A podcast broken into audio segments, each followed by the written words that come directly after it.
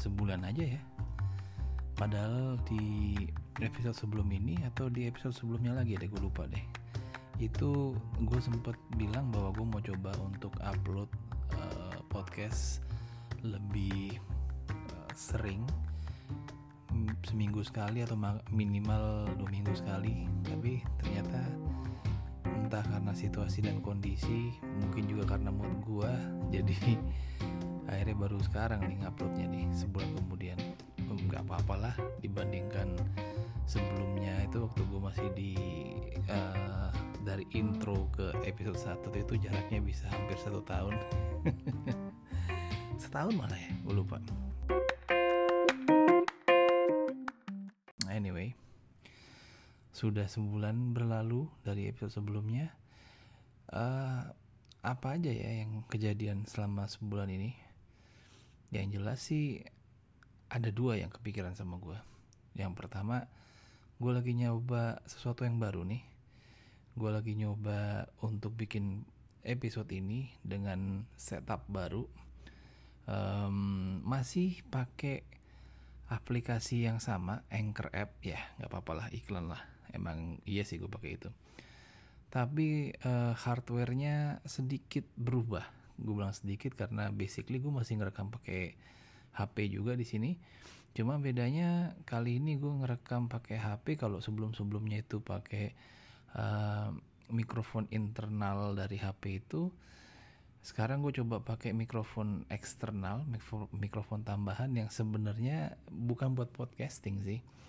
Ini lebih ke mikrofon buat uh, buat video vlogging gitu gitulah uh, mikrofon yang langsung dicolok ke uh, HP-nya gitu. Not really ideal, but at least a little step up lah karena mikrofonnya juga mestinya sih mestinya ya mudah-mudahan jadi agak lebih bagus nih secara uh, kualitas recordingnya ya. Paling nggak kualitas suara ya. Kalau kualitas konten dari podcast ini ih sorry ya itu kayaknya masih masih banyak begitu-begitu aja. Um, ya yeah, jadi gue sekarang pakai mikrofon baru. Oh ya gue bilang pakai mikrofon vlogging itu karena uh, setelah kurang lebih hiatus selama satu tahun gue jalanin lagi project yang gue jalin sama bini gue project yang semi angin-anginan yaitu project uh, bikin YouTube video. By the way boleh lah uh, dikunjungi, celah, disambangin uh, channel YouTube gua sama bini. Nama channelnya Jaja Meong Family. Uh, tulisannya J A J A M E O N G Family. Gitu. Baru cuma ada tiga episode, eh tiga episode, baru cuma ada tiga video sih, tapi ya um, itu bener-bener project pemuas ego aja sih. Karena bini gue kan dari dulu pingin banget bukan pingin ya lebih kayak berangan-angan. Ya seru ya kayaknya kalau jadi hostnya acara jalan-jalan gitu ya nge-review makanan nge-review hotel gitu. Sedangkan gue salah satu uh, salah satu impian yang um, salah satu kan impian ya ambisi bukan ambisi ya. Salah satu hal yang pingin gue lakuin itu dulu dari zaman gue SMA itu gue pingin berkecimpung di dunia uh, sinematografi. I know YouTube video sama sinematografi itu jauh banget. I know I know. Tapi paling enggak ya gue jadi bisa ya kayak director directoran lah dan ngedit ngedit video which is yang sekarang jauh lebih um, kalau gue bilang mudah sih nggak juga ya. Gue banyak teknik yang mungkin belum bisa gue pahami gitu atau yang gue mungkin belum dapet. Tapi paling nggak gue udah bisa otodidak pakai uh, video editing tools di tablet gue uh, cuman belajar sedikit dari nonton-nonton YouTube. Dan ya ya hasilnya sih ala kadarnya juga ya. Mohon maaf ya kita budget terbatas. Videoin aja pakai HP doang. Sama ngediting juga pakai tablet aja gitu ya. But please watch. Syukur-syukur kalau lu pada mau subscribe. Thank you banget. Hit the likes button and comment. Say hi penasaran gue siapa siapa yang mungkin datang ke channel itu karena denger uh, podcast ini? Ya gue yang denger podcast ini aja gak tahu berapa banyak orang. Kayak yang dengerin udah ratusan orang dapat yang denger beberapa belas aja udah syukur. Aduh kasihan banget sih sumpah podcast apaan sih nih? Nggak jelas. Anyway uh, jadi itu a new uh, quote unquote podcast setup lebih tepatnya cuman mikrofon baru. Dan ada juga sesuatu yang hmm, an, kejadian milestone lah ya. Kejadian milestone lebih tepatnya ya beberapa minggu yang lalu gua merayakan ulang tahun gua ke 30 sebentar sebentar. Pokoknya yang di atas 35 lah. Sudah di atas 35 tahun I'm not that young anymore. Ya dari umur gue 30 juga gue udah ngerasa gue udah nggak muda-muda amat gitu. But ketika umur 40 itu sudah di depan mata makin lah gitu kan. Huset. udah lumayan senior gue ya. Gue kadang-kadang tuh masih suka kaget sendiri gitu ya. Suka kaget sendiri ngelihat um, orang-orang di TV orang-orang di uh, YouTube segala macam. Kalau dulu gue nonton TV ya dulu kan gak ada YouTube ya. Zamannya gue masih kecil ya zamannya gue masih SD sampai SMP SMA gitu. Gue ngelihat wah tuh orang-orang yang ada di TV tuh kayaknya kok udah dewasa dewasa banget ya. Ya kan banyak kan di atas uh, ya ada sih ya remaja-remaja ada juga ya uh, tapi kan mayoritas umurnya sudah di atas 20-an semua gitu. Dan bagi gue dulu umur 20-an ketika gue masih uh, remaja di belas-belasan tahun tuh gue ngeliat umur 20 tuh kayak wah udah tua ya. Jadi dulu gue pas zaman zaman itu ngeliat wah tuh yang di TV TV tuh kok udah senior senior semua udah tua tua semua ya gitu. Terus perlahan tapi pasti sekarang kira gue nonton TV atau gue nonton YouTube gitu ya atau gue liat Instagram atau gue liat whatever lah itu ya pokoknya gue lihat hiburan-hiburan itu kok orang-orang ini banyak yang sumuran sama gue dan bukan banyak malah lebih banyak yang lebih banyak lagi yang lebih jauh lebih muda daripada gue gitu ya kayak bini gue tuh kan uh, ya seperti layaknya perempuan uh, Indonesia pada umumnya ya suka banget tuh nonton drama Korea gitu. Terus um, ya adalah aktor-aktornya kan gue gue sih tahu ya karena secara bini gue nonton Korea mulu dan daripada nggak ada tontonan ya itu yang gue tonton gitu kan.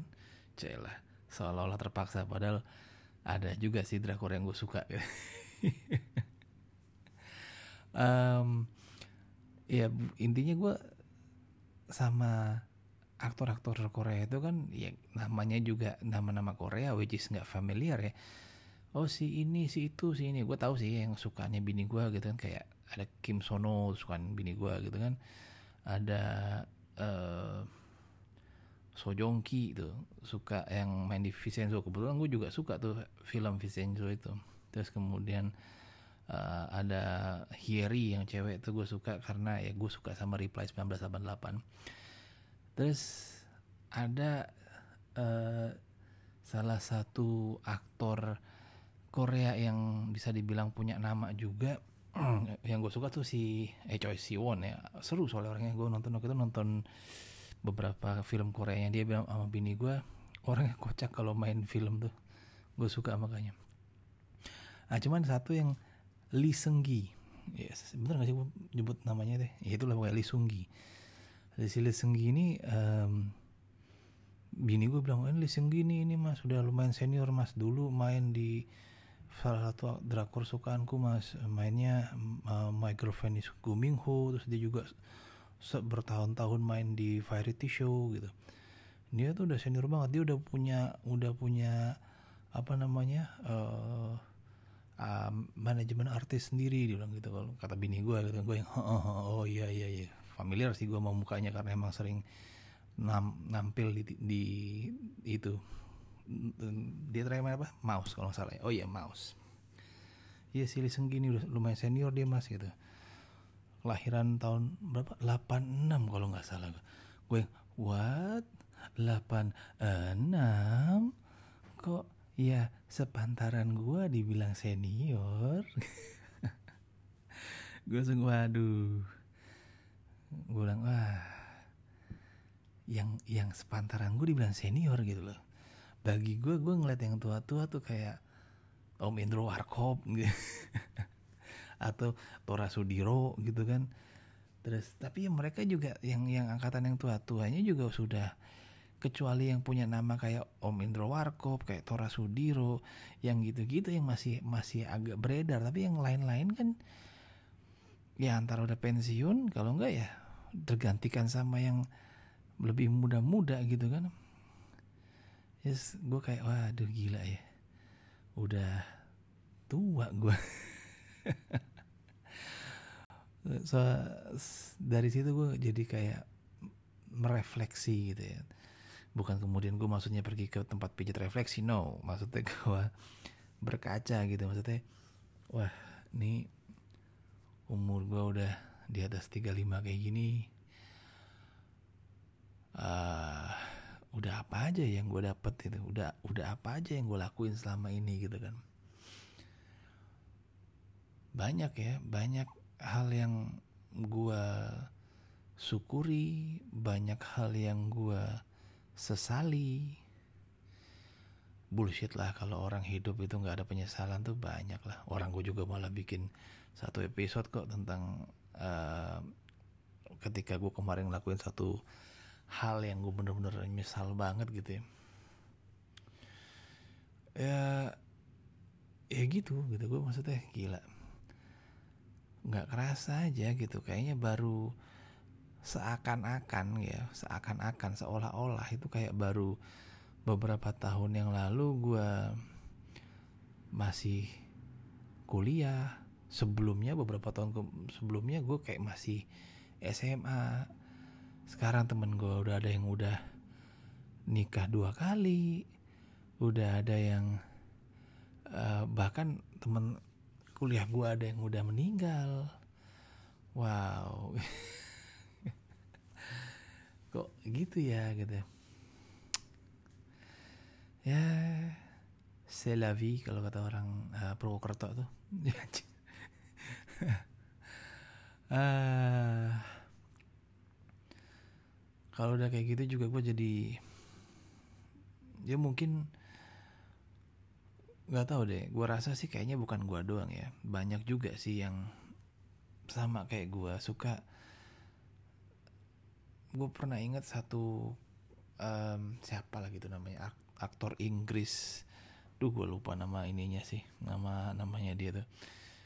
Pemain filmnya kalau mungkin ada yang pernah nonton film dokter film drama um, barat tentang dokter yang namanya House yang jadi pemeran utamanya itu yang jadi dokter House-nya itu siapa namanya? Gue lupa tuh. Dia tuh itu di interview di uh, salah satu uh, talk show di di eh, di interview, salah satu talk show lah pokoknya gitu. Terus kemudian dia kayak cerita gitu iya nih kayak kan ditanya ya gimana perasaan perasaanmu memainkan uh, tokoh house yang lumayan uh, sangat digemari sama banyak orang gitu. Terus dia bilang iya ini satu pengalaman yang uh, surreal gitu ya pengalaman yang kayak uh, aneh tapi nyata gitu ya.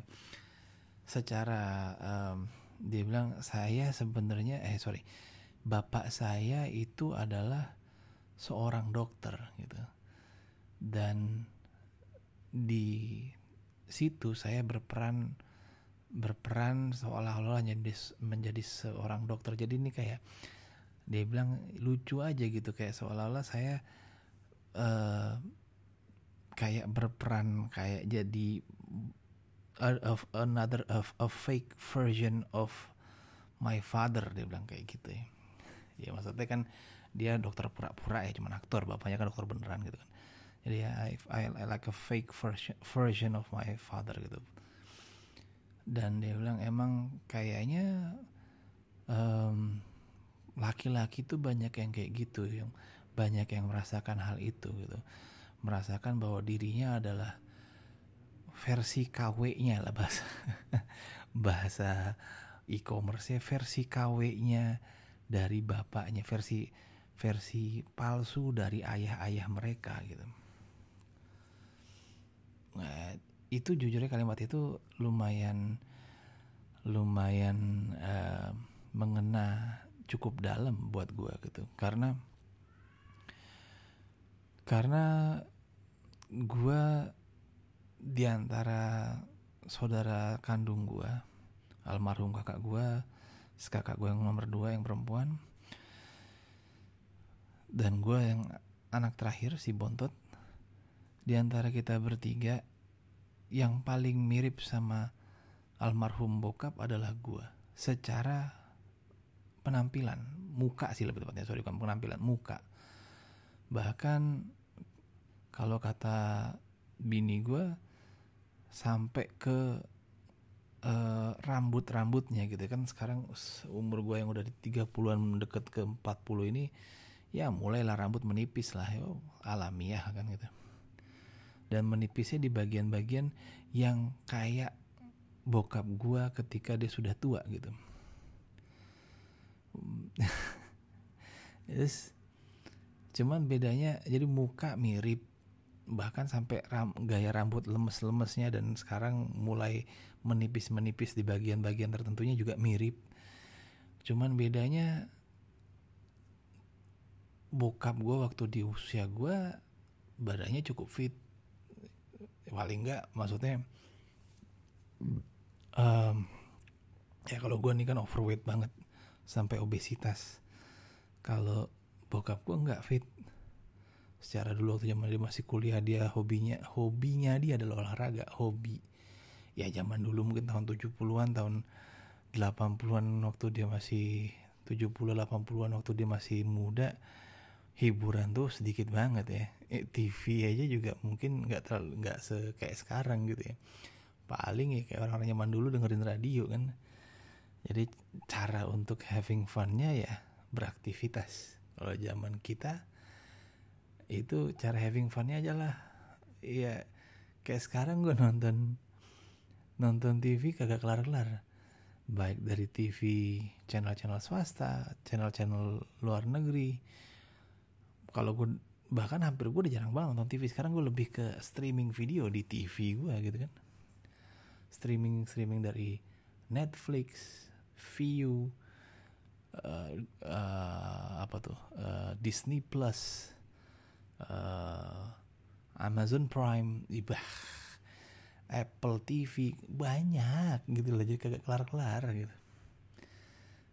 Ya kalau nyari hiburan tinggal duduk. Kalau orang zaman dulu nyari hiburan olahraga kayak bokap gue. Makanya sampai tua masih fit. Anyway balik lagi ya itu selain dari guanya yang overweight dan kalau dibandingkan bapak gue yang masih fit uh, gue juga ngerasa a fake version of him adalah mungkin ketik tingkat kesuksesannya kali ya. Singkat cerita bokap gue tuh termasuk orang yang sukses di profesinya. Baik dari karir track maupun dari bokap gue kalau dulu bikin CV ketika dia ngaji kan dia sering ngajar tuh di uh, akhir-akhir uh, tuh sebelum dia meninggal tuh kan dia sering ngisi kasih seminar ngajar segala macam terus kalau bikin CV untuk um, bagian urusan pendidikan sama pengalamannya aja tuh bisa 2 sampai 3 halaman sendirian gitu. Kalau gue dibikin CV maksimal maksimal setengah halaman. Bokap gue 2 sampai 3 halaman itu tidak menuliskan bahwa misalnya kan kalau kita bikin CV buat ngelamar kerjaan tuh kan misal gitu uh, posisi sebagai contoh misalnya uh, departemen head uh, uh, uh, uh, manager finance katakan gitu contohnya kan.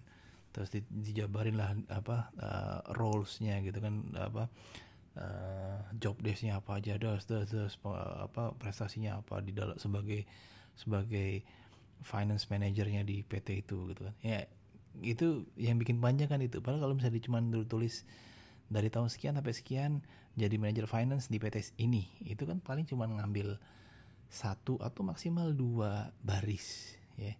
Lah bokap gua itu yang tanpa mendeskripsikan apa job desknya apa aja prestasi ketika dia menjabat di situ itu sampai dua halaman sendiri. Cuman tahun sekian sampai sekian jadi jadi posisi ini di ini. Saking banyaknya jadi bukan masalah pindah-pindah kantor juga cuman dia dapat jabatan dapat jabatan apa namanya um, kayak sebagai dewan penasehat di mana dewan penasehat di mana terlalu banyak dewan penasehatnya bukan kebanyakan ngasih nasihat ke orang. Aduh ya itu. Gue kalau pikir-pikir ya itu. I'm a a poorly made fake version of my father. Di umur gue yang di umur gue yang di umur gue yang saat ini dengan pencapaian yang sudah gue capai saat ini ya. Gue nggak ngerti deh. Kalau bokap gue masih ada karena dia bokap gue karena gue juga tahu dia sayang sama gue pasti dia akan bilang I'm proud of you gitu kan dengan ini itu segala macam ya cuman katakan orang lain gitu ya.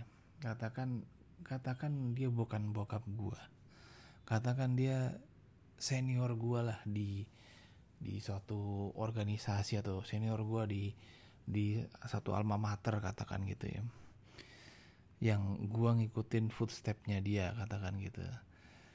Ketika kalau dia tidak tak ada hubungan biologis dan keterikatan emosional sama gue kadang-kadang gue mikir apakah benar-benar dia akan akan apa akankah dia kayak ngomong I'm proud of you gitu loh uh, mungkin sih dia masih akan ngomong kayak gitu. Karena bokap gue orangnya sopan. Sama orang tuh sopan. Ada another another uh, salah satu deviasi gue dari bokap gue adalah selain uh, badan gue yang uh, obesitas adalah sikap gue ke orang gitu ya kalau bokap gue tuh sama orang-orang tuh sopan. Gue sopan ish. Artinya lebih ke ya dibilang nggak sopan sih nggak juga cuman tidak tidak akan meninggalkan satu kesan yang oh iya dia orangnya sopan. Kayak gitu sih cuman oh iya dia baik paling pol gitu ah. Tadi gue bilang sempet bahwa banyak hal yang gue syukuri ketika gue di, di, di, sudah sampai di usia ini gitu. Banyak juga yang gue sesalin. Banyak yang aduh coba dulu gue begini coba dulu gue begitu gitu ya kan. Tapi kalau gue tarik garis lebih jauh lagi gitu ya. Katakan gitu misalnya gue termasuk orang yang sangat fascinated ya sangat tertarik sangat suka sama yang namanya time travel. Entah kenapa bagi gue tuh kayaknya something very interesting lah ya. Cuman gue berpikir gitu, katakan gue punya kesempatan untuk balik lagi time travel ke momen-momen yang sampai sekarang gue nggak bisa lupa aduh mestinya gue nggak usah melakukan ini atau aduh ngapain gue lakuin ini? Aduh mestinya gue melakukan ini gitu misalnya gitu ya. Gue balik lagi ke momen-momen krusial itu yang menurut gue jadi salah satu hal penting yang seharusnya tidak gue lakukan atau seharusnya gue lakukan. Saya gue balik ke situ terus gue lakukan apa yang yang menurut gue benar gitu gue ben, gue gue perbaiki lah ya itu kesalahan itu misalnya. Gue jadi kemudian mikir gitu kan. Kalau misalnya gue ngubah gue ngubah um, gue ngubah sesuatu di situ gitu gue tidak melakukan satu hal atau gue melakukan satu hal apakah gue nanti akan end up di titik yang sekarang ini gitu? Karena for better or worse gue ya nggak mau berubah juga dalam artian gini bukan nggak mau berubah apa ya? Gampangnya gini deh. Gue ketemu bini gue gue ketemu sama anak gue saat ini karena pilihan-pilihan hidup yang telah gue ambil gitu. Betul atau salah tapi ya itu telah gue ambil dan akhirnya gue end up di titik ini sekarang. Kalau katakan ada yang gue ubah pilihan itu kira-kira gue masih akan nyampe di titik ini lagi atau enggak gitu? Gue kira-kira akan ketemu bini gue nggak kalaupun misalnya gue ketemu bini gue kapan? Apakah gue bisa punya relationship sama dia nggak? Misalnya emang gue ketemu gitu. Terus kemudian apakah kalaupun gue jadi punya bisa punya relationship atau enggak misalnya gue punya relationship sama dia apakah gue bisa nanti end up dan bertemu lagi sama anak gue yang saat ini gitu? Ya kan? Karena for better or worse ya gue nggak mau kehilangan mereka gitu loh. Gue udah kadung sayang gue udah kadung cinta sama mereka. Misalnya nih gue mundur ke belakang terus gue ngubah beberapa hal.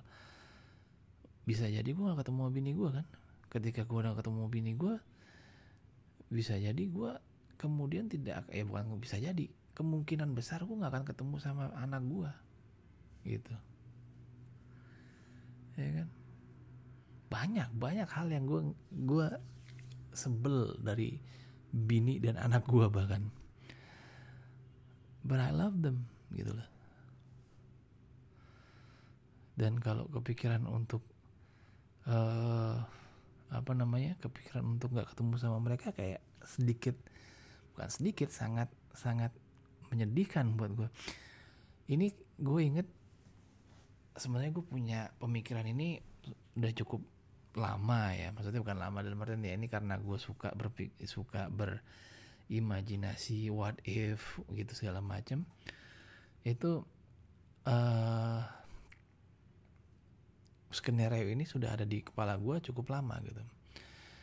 Nah terus kemudian suatu saat gue nonton film drama Korea yang judulnya Familiar Wife yang literally menggambarkan pemikiran gue itu. Filmnya sih kalau dibilang bagus-bagus banget atau berkesan banget sih ya enggak juga sih. cuman cuman pemikiran gue itu gue yaitu dia ceritanya ada seorang seorang salaryman atau orang kantoran yang hidupnya terjebak di rutinitas yang sama segala macam yang kemudian dia ke bininya itu bininya itu apa namanya galak banget sama dia. Kalau gue bilang jahat sih enggak ya galak sih mungkin ya. Galak banget sama dia gitu. Terus uh, adalah trigger satu trigger kejadian yang bikin dia tuh kayak ah gitu. Gemes banget gitu kayak dia kayak pergi tapi bukan bukan minggat sih cuma pokoknya dia pergi dari rumahnya terus ada suatu event atau kejadian somehow dia balik lagi zamannya dia masih kuliah. Zaman zaman dia masih kuliah zaman dia belum ketemu sama bininya gitu ya belum jadi nama bininya dan dia ketemu lagi sama um, ada perempuan yang dia jatuh hati udah dari lama gitu. Dia tahu beberapa hal-hal yang kemarin itu dia lakukan yang kurang lebih menurut dia salah dia coba perbaiki dan benar-benar kehidupannya berubah semua gitu. Dia jadi end up sama cewek yang udah dia incer selama selama beberapa dari lama bininya itu juga punya kehidupan yang berbeda. Bin, bininya yang dulu punya kehidupan yang berbeda karena nggak ketemu sama si suami itu. Menarik sih sebenarnya itu film. Tadi gue bilang nggak menarik tapi kenapa gue bilang sekarang menarik ya? Pokoknya gitulah menarik lah. Coba nonton deh Familial Wife. Itu menurut gue ya I find that interesting ya nggak tahu kenapa. Gue suka ya film-film kayak gituan kalau di film uh, baratnya tuh uh, itu kan seri ya Familiar Wife. Kalau uh, film baratnya ada satu film yang gue suka itu adalah time travel the time travel wife. Itu itu seru menurut gue filmnya itu. Seru. Gue pingin baca novelnya. Ya itu kan dari angkat dari novel ya. Dan mestinya sih biasanya kalau novelnya pasti akan lebih uh, in depth lebih uh, dalam penceritanya daripada film. Cuman ya itu gue biasanya suka nggak sabar baca novel. Lebih tepatnya gue bisa dihitung pakai jari novel yang gue baca. Paling baru Animal Farm. Itu juga karena Animal Farm juga nggak tebel ini gue mau baca um, masih George Orwell juga 1984 itu belum gue buka-buka dari kemarin pingin gue baca. Tapi kayak masih gue baca deh.